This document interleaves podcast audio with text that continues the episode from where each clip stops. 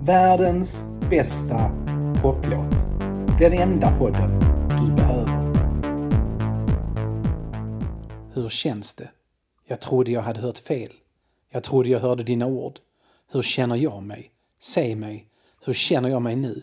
Jag är Nils Karlsson och det här är världens bästa poplåt och det här är berättelsen om världens bästa poplåt och om hur en låt vars grundläggande idé byggde på lathet, vars hook i hook är ett misstag och vars målsättning att inte kommunicera några känslor alls totalt misslyckades. Det handlar om New Orders Blue Monday och den kan mycket väl vara den allra bästa av alla världens bästa poplåt som finns. Möjligen Teenage Kicks of the Undertones undantagen. Det började med en konsert 1976. Sex Pistols spelar i Manchester och i publiken sitter allt från de blivande The Buzzcocks till blivande Simply Red. Men viktigast av allt i den här berättelsen är att där sitter också vännerna Peter Hook och Bernard Sumner. Det var knappt någon i publiken, men legenden säger att varenda en av dem gick ut och bildade ett band. Historieskrivningen blev vansklig direkt här. Enligt de som var där var det kanske 30 personer i publiken. Men antalet musiker som säger sig ha varit där och bestämt sig för att starta band kan räknas i hundratals. Det är lite som när jag var miljöpartist en gång i tiden och träffade säkert 50 personer som varit bland de där tio som satt i Per Gahrtons kök och grundade partiet. Peter Hook och Bernard Sumner har sparat sina biljetter så det tyder på att de faktiskt var där. Och att det bildade band är helt odiskutabelt. Det tog tid att hitta rätt dock. Och att lära sig spela. Båda ville spela elgitarr, men det behövs ju bas och Sumner hade redan en gitarr. Så det fick bli bas för Hook. Och tur är ju det. Trummisar kom och gick, men de lyckades hyfsat snabbt hitta en sångare i Ian Curtis som lyckades kombinera en hyfsad sångröst med ett intresse för att skriva texter. Mörka jävla texter. Texter som inte riktigt var sådär punk som Sumner och Hook ursprungligen hade tänkt sig mer introspektiva än upproriska. När de till slut hittar Steven Morris att spela trummor så känner de att nu är det vi som ska bli vi. Och så sätter de igång och försöker skriva punklåtar. Det går sådär. Dels så hamnar de väldigt lätt in i långa meditativa repetitiva improvisationer och dels känns det naturligt för dem att dra ner tempot istället för att dra upp det. Desperationen i Ian Curtis röst skapar också förutsättningar för och nödvändighet att göra någonting annat än punk. Men som Peter Hook säger, vad kan vara mer punk än att göra uppror mot punkens estetik? 1977 tar de namnet Warsaw efter en låt på David Bowies allt annat än muntra Low och som 21-åringar debuterar de på scen och publiken reagerar som om ett förband till något de egentligen vill se var lite mer långrandiga än man egentligen kan befara av ett förband. De byter namn några gånger, skriver fler egna låtar, övar sig på instrumenten. Deras utrustning är skit. Framförallt så har Sumners gitarrförstärkare egenheten att den antingen låter högre än allting i hela världen, alltså som den upptar all ljudvolym som finns, eller nästan inte alls. Peter Hooks förstärkare, som han köpt begagnad för nästan inget alls, är betydligt mer beskedlig. För att Hook ens ska höra sig själv över Sumners gitarr måste han spela höga toner. Inte som är vanligast på bas, låga toner. Ni vet, basen liksom. Curtis och Morris hör direkt att det som ser ut att utvecklas till ett bråk mellan Sumner och Hook i själva verket är någonting bra. Att de kommer sticka ut. För inget band har en basist som spelar melodierna och en gitarrist som står för botten. Som Joy Division gör de några spelningar med mer och mer entusiastisk publik. En publik som gillar det mer personliga elände som Curtis sjunger om och tycker det är ett nödvändigt brott mot allt det punkiga i punkeriet. Curtis scenperson är magnetisk, de börjar få betalt, har råd med bättre förstärkare om än inte mycket, men de behåller konceptet. På en konsert i början av 1978 spelar de en ny låt som de beskriver som lite poppigare och lite gladare, men som såklart låter som ett huvudhopp rätt ner i depressionernas depressiva, deprimerade fulländning av depression, Transmission. Och publiken blir extatiska. Efter konserten säger Hook till Sumner att “Du, jag tror vi har skrivit vår första fantastiska låt”. Han hade inte fel, och det skulle bli fler.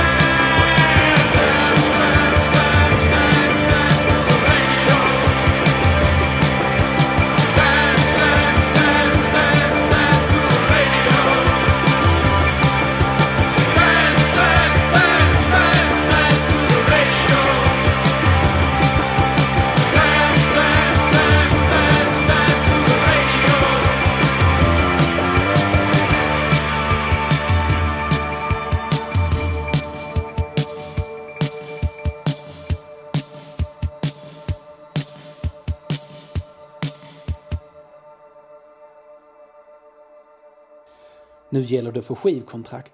Ett första försök att spela in en LP misslyckas och skrotas när skivan väl är klar. Men inspelningarna ger självförtroende. I alla fall ger de Ian Curtis självförtroende. Så han ringer upp Tony Wilson, programledaren för tv-kanalen Granadas kultur och musikprogram So It Goes och säger att du din jävla fitta, varför får vi aldrig spela i ditt program? Vilka är ni? Joy Division? Aldrig hört talas om. Men kom och lyssna på oss då om du vågar. Fitta! Klart Wilson blir nyfiken. Nästa gång han ser att Joy Division ska spela går han dit och blir upp över öronen förälskad. Utan att ens ha ett skivbolag, han skulle starta ett nästa dag, erbjuder han Joy Division kontrakt på singlar och en LP. Ett väldigt förmånligt kontrakt. Artisterna äger rättigheterna till sin musik för all framtid och båda parter har när som helst rätt att säga fuck off till den andra och så är kontraktet upplöst. Enligt myten skriver de kontrakt på en servett, men det är oklart om det är sant. Men på det på mer traditionellt papper skrivna kontraktet som Factory Records hade i sitt arkiv står formuleringen om fuck off tydligt med. Precis som den skulle göra tio år senare med Happy Mondays.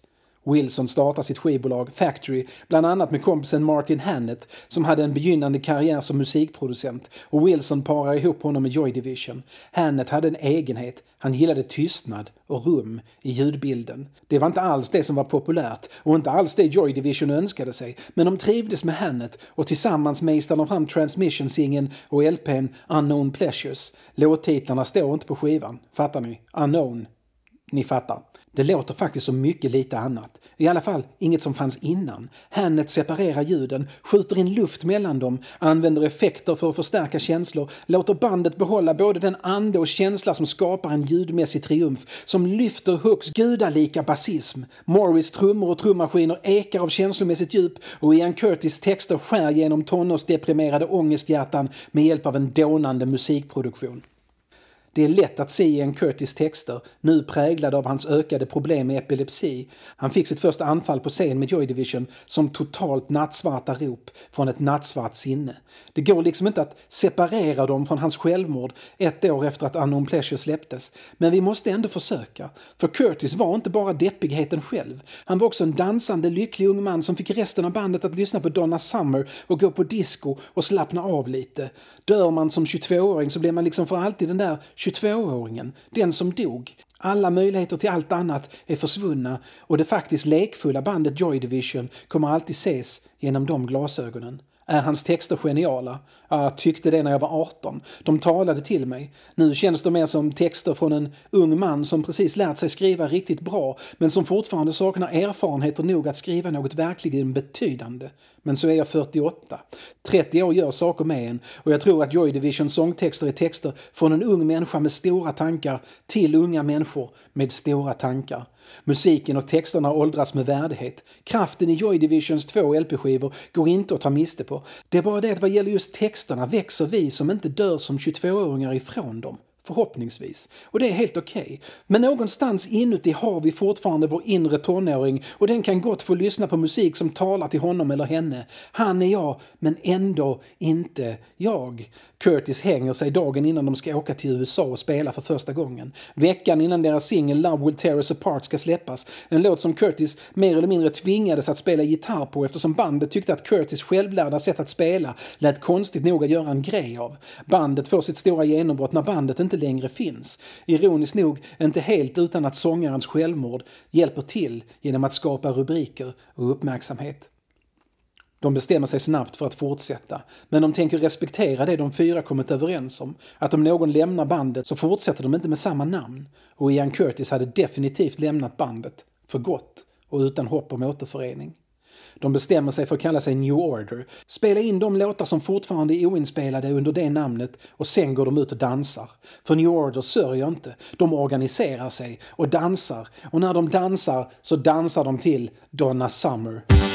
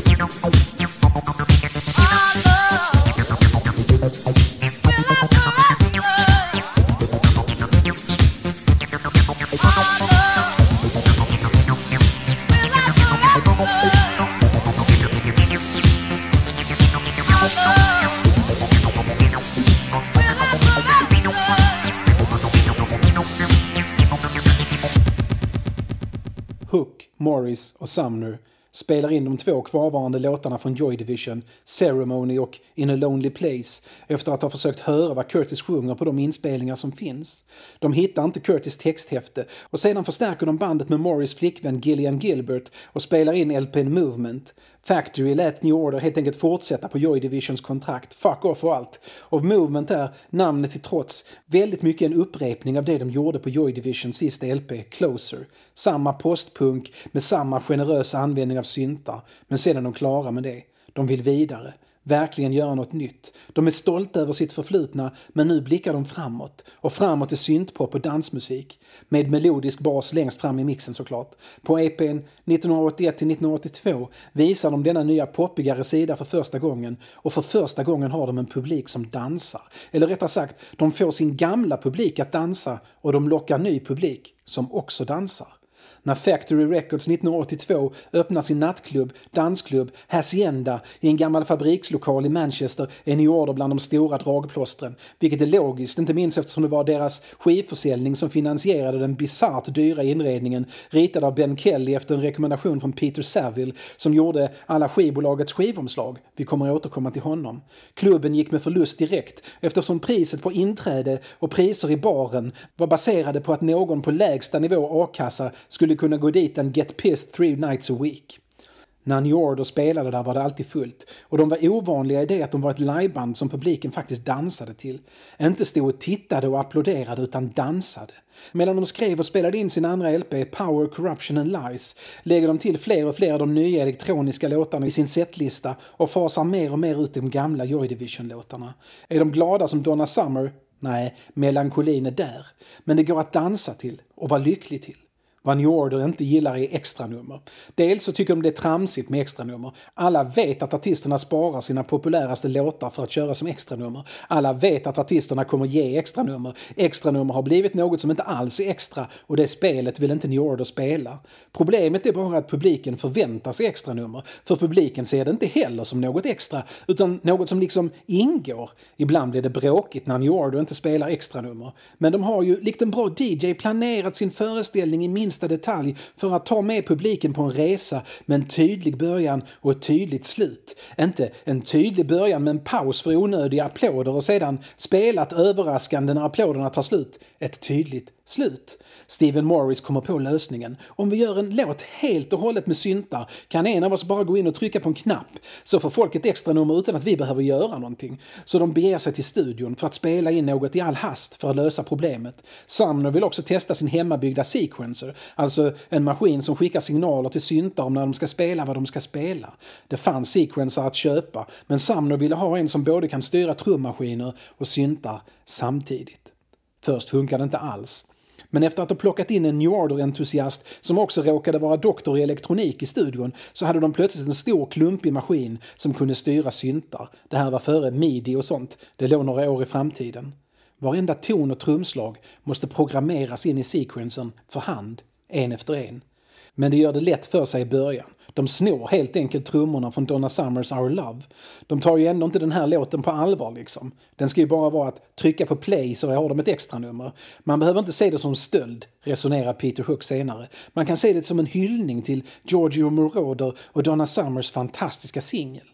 De tänkte stjäla en liten syntslinga också. Gillian Gilbert sätter sig ner för att knappa in den i maskinen medan de andra går på puben och dricker ett par åtta öl. När de kommer tillbaka fem timmar senare är hon stolt och äntligen klar. De drar igång högtalarna och syntarna och Gilbert startar maskineriet. Hon har glömt en ton. Så hennes slinga på 32 toner spelade som åttondelar är bara 31 toner.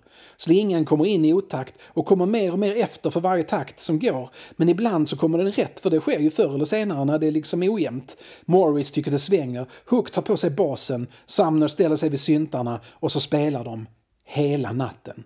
På morgonen tycker de sig ha skapat en låt komplett med text och bassolo. Sumner sjunger. Efter att både Morris och Cook testat att sjunga några låtar precis när New Order började så har de landat i att Sumner nog sjunger minst dåligt av dem. Morris ber om några dagar att programmera lite trummor så att allting inte låter stulet från Donna Summers Our Love. Det får han. Medan Morris programmerar så pratar Hook och Sumner och kommer fram till att låten nog är för bra för att bara ha som något att spela som extranummer utan det borde kanske också bli en singel. Vi spelar in den på riktigt. Så in i studion och några dagar senare och nu med inställningen att de ska spela in en låt med så lite känslor som möjligt. Raka motsatsen mot Joy Division. De vill ha ett torrt ljud och Sumner försöker sjunga så känslolöst som möjligt. Texten betyder någonting, oklart vad, men muntert är det inte. Han blir behandlad illa av någon vars hjärta blir kallt. Låten har ett enda glasklart budskap. Dansa. Här kommer en låt i fyra fjärdedels takt utan krusiduller och ni ska dansa. Låten blir sju och en halv minut lång och när Tony Wilson hör den hör han direkt att Blue Monday är en hit. Han frågar inte ens om det går att korta den för radio. På hans klubb spelas ändå mest 12-tumsinglar och det är ju danspubliken han är ute efter. Han ringer Peter Saville och ber honom skynda sig upp på kontoret för att börja rita ett skivomslag. Saville tycker sig höra datorer. Och det gör han ju också. En sequencer är en dator och de moderna syntarna kan mycket väl också kallas datorer. Så han tänker datorer. Han får snabbt idén att skivomslaget borde se ut som en floppydisk. Ni vet de där stora svarta sakerna man hade i datorer förr i världen, på stenåldern. Sladdriga saker, fem och en halv tum breda kvadratiska saker med hål i mitten. Lysande, säger Wilson och så får Saville fria händer att skissa och beställa skivomslag medan Wilson skickar skivan på pressning. Det blir ett dyrt skivomslag. Det måste igenom stansningsmaskinen tre gånger och hårt papper, bara det bästa duger åt Saville. Han tycker det ser lite svart ut med bara svart, så han slänger in fyra färger på kanten vilket innebär att omslaget också måste genomgå fyrfärgstryck. Den färdiga skivan kostar 1 pund och 10 pence att tillverka och den säljs för 1 pund styck. Det blir världens mest sålda maxisingel som vi kallade 12-tumsinglarna här i Sverige och en betydande förlustaffär för Factory Records. Peter Hook berättar att det enda han tänkte på när bandet tog emot guld guldskiva för 500 000 sålda exemplar var den förlust på 50 000 pund de faktiskt firade. 20 år senare, 2003, träffas Hook och Saville på en flygplats. De har inte träffats på många år, i alla fall inte med tid att prata. Och Hook frågar honom om det där med kostnaden och förlusten på minst 150 000 pund innan de kom på att göra om omslaget i en billigare variant. Du ska inte klaga, säger Saville. Vadå inte klaga? Jag hade ju kunnat vara miljonär. Skivomslaget i Blue Monday är inte det enda tveksamma affärsmannamässiga beslut New Order råkade ut för på Factory och 2003 hade de ännu inte börjat komma ifatt. Skivbolaget lade ner redan 1992. Fucking Duran Duran är miljonärer och Madonna, en massa andra fittor. Fattar du inte att du har något de aldrig kommer ha? Svarar Saville. Och Hook förstod. Det är han och Sumner och Morris och Gilbert och Curtis gjort var mycket, mycket mer värdefullt i förlängningen. För allt hade gjorts på deras villkor och allt hade speglat vilka de var där och då. Och allt hade gjorts utan att tumma på något konstnärligt eller enbart med sikte på försäljning. Och de hade förbannat roligt medan de gjorde det. Blue Monday är världens bästa poplåt och den är vad den New Orders ambitioner var, knökfull med känslor. Visst, den kanske är mina projicerade känslor, men det är ta fan också känslor. Och den basen och de trummorna och Sumners och Gilberts svepande syntar och effekter. Där är alla känslor så det räcker att bli över. För det är som att de har fyllt låten med dem. Precis alla känslorna i hela världen.